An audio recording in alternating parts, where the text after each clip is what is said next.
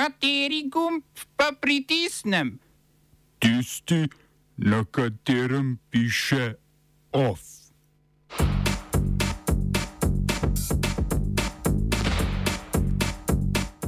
Evropska unija z novimi sankcijami proti Rusiji. Ponovno štetje glasov na več voliščih v Bosni in Hercegovini.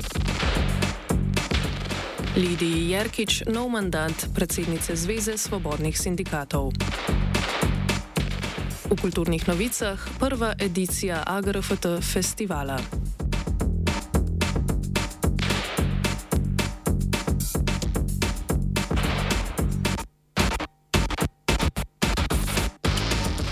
Članice Evropske unije so na ravni veleposlanikov dosegle dogovor o osmem svežnju sankcij proti Rusiji, ki ga je zaradi ruske invazije na Ukrajino minulo sredo predstavila Evropska komisija. Sankcijski svežen med drugim vključuje pravno podlago za uvedbo cenovne kapice na rusko nafto. Ta bo veljala za pomorski transport surove nafte in določenih derivatov v tretje države ter nekatere povezane storitve. Širida se tudi seznama prepovedi uvoza ruskih izdelkov in izvoza izdelkov iz območja Evropske unije v Rusijo. Uvajajo se tudi sankcije proti novim posameznikom in pravnim osebam. Efektivno uvedbo sankcij morajo države članice EU formalno potrditi še po pisnem postopku.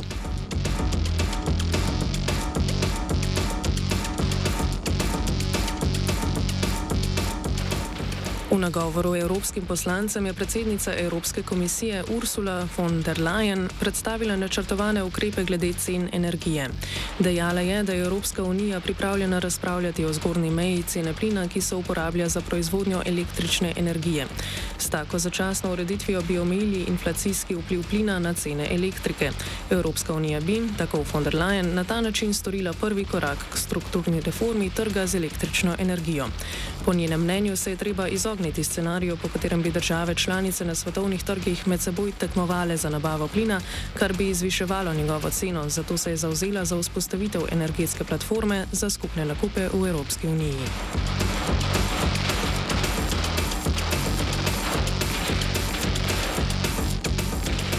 Ruski predsednik Vladimir Putin je podpisal zakone o priključitvi ukrajinskih regij Herson, Zaporožje, Donetsk in Lugansk k Ruski federaciji.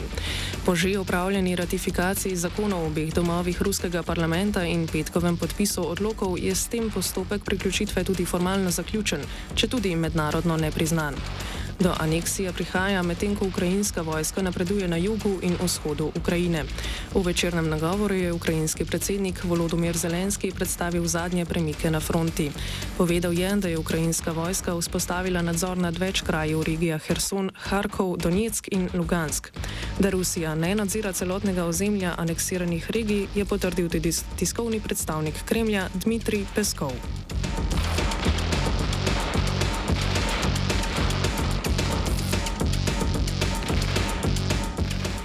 Evropski parlament je sprejel direktivo, v skladu s katero se do konca leta 2024 uvaja enotni polnilnik tipa USB-C za vse prenosne elektronske naprave. Namen direktive je po besedah izvršne podpredsednice Evropske komisije pristojne za digitalni prehod in konkurenčnost Margrete Vestager poenostaviti življenje potrošnikom in obvarovati okolje, saj ne bo potrebe po kupovanju polnilnikov za vsako napravo posebej, posledično naj bi nastalo manj elektronskih odpadkov. V Evropski uniji letno zavržemo 11 tisoč ton polnilnikov, nakupimo pa nove polnilnike v vrednosti do 250 milijonov evrov. Direktiva, ki bo v veljavo stopila začetkom leta 2025, ne bo veljala za naprave in polnilnike proizvedene pred tem obdobjem.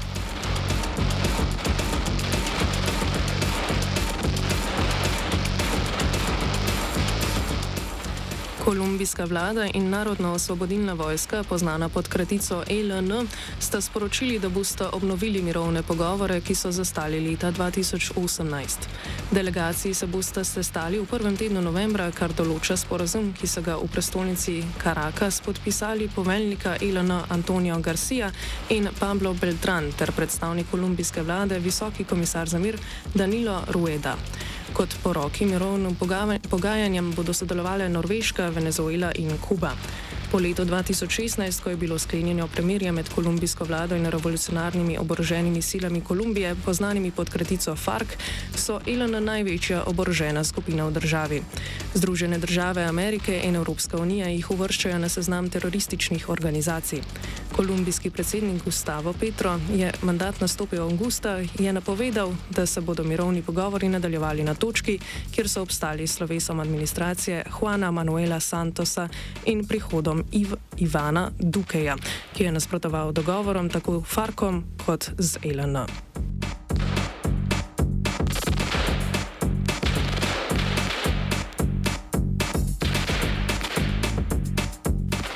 Danska premijejka Mette Frederiksen je za 1. november razpisala predčasne parlamentarne volitve.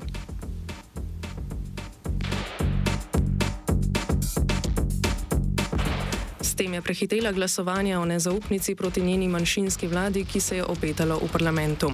Podporo koaliciji pod vodstvom socialdemokratov je namreč odrekla socialno-liberalna stranka.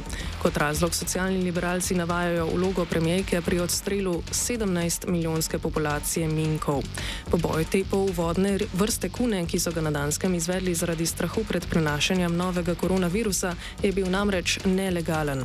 Na Danskem so volitve pričakovali, saj so mesta že tedne polna reklamnih političnih plakatov. Fredriksen dansko vlado vodi od leta 2019, ko je postala najmlajša danska premijejka v zgodovini.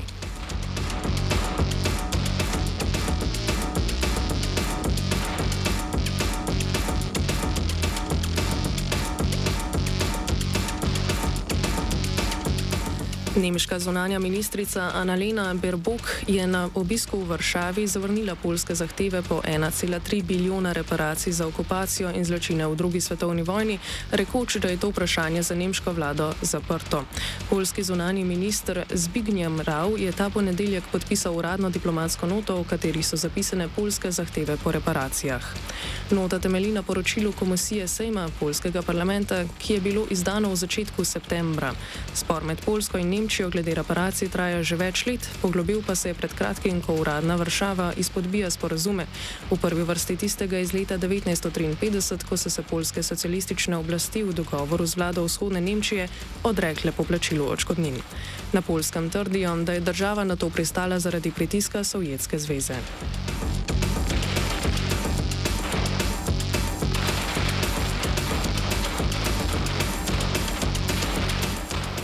Državna volilna komisija Bosne in Hercegovine je zaradi suma o nepravilnostih sprejela odločitev o ponovnem štetju glasov z več volišč. Po preštetih 83 odstotkih glasov je bilo skupno neveljavnih čez 220 tisoč glasov, med njimi 120 tisoč oziroma slabih 9 odstotkov za parlament Federacije BEH in 100 tisoč glasov za člane predsedstva BEH. Največ poročil o nepravilnostih izhaja iz Republike Srpske. Predsednik enega izmed tamkajšnjih volilnih odborov je pred kamerami televizije BN priznal, da je vse glasove, ki jih je v vasi Krajišnik pri Bosanski gradiški osvojila Jelena Trivič iz stranke Demokratičnega napredka, pripisal Zoronu, Zoronu Kaliniču iz naše zgodbe, čež da se je to zgodilo zaradi utrujenosti v poznih večernih urah. Po zadnjih delnih rezultatih na volitvah za predsednika Republike Srpske najbolje kaže Milorad Dodi. Politiku, ki ga vodi pred Trivič. Dobil je 48 odstotkov glasov, Trivič pa 43. Razlika trenutno znaša 28 tisoč glasov. Smo se osamosvojili, nismo se pa osvobodili. Naslednje število je še 500 projektov. Izpiljene modele, kako so se strani nekdanje LDS rotirali. Ko to dvoje zmešamo v pravilno zmes, dobimo zgodbo o uspehu. Takemu političnemu razvoju se reče udar. Jaz to vem, da je nezakonito, ampak kaj nam pa ostane? Brutalni obračun s politično korupcijo. To je Slovenija, tukaj je naša zemlja, to je Slovenija, Slovenija, Slovenija. Delegati so na kongresu Zveze svobodnih sindikatov za drugi petletni mandat predsednice izvolili Lidijo Jerkič.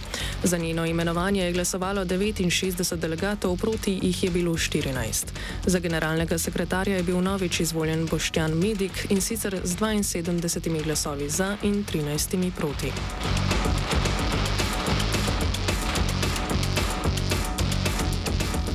Poslanci državnega zbora so z 48 glasovi za in 29 proti potrdili spremembe družinskega zakonika, ki ga je predlagala vlada. Spremembe sledijo julijski sodbi ustavnega sodišča. Izenačujejo pravice partnerjev v istospolnih in raznospolnih zvezah ter istospolnim parom dajo pravice do posvojitve otrok. OF je pripravil Fabian.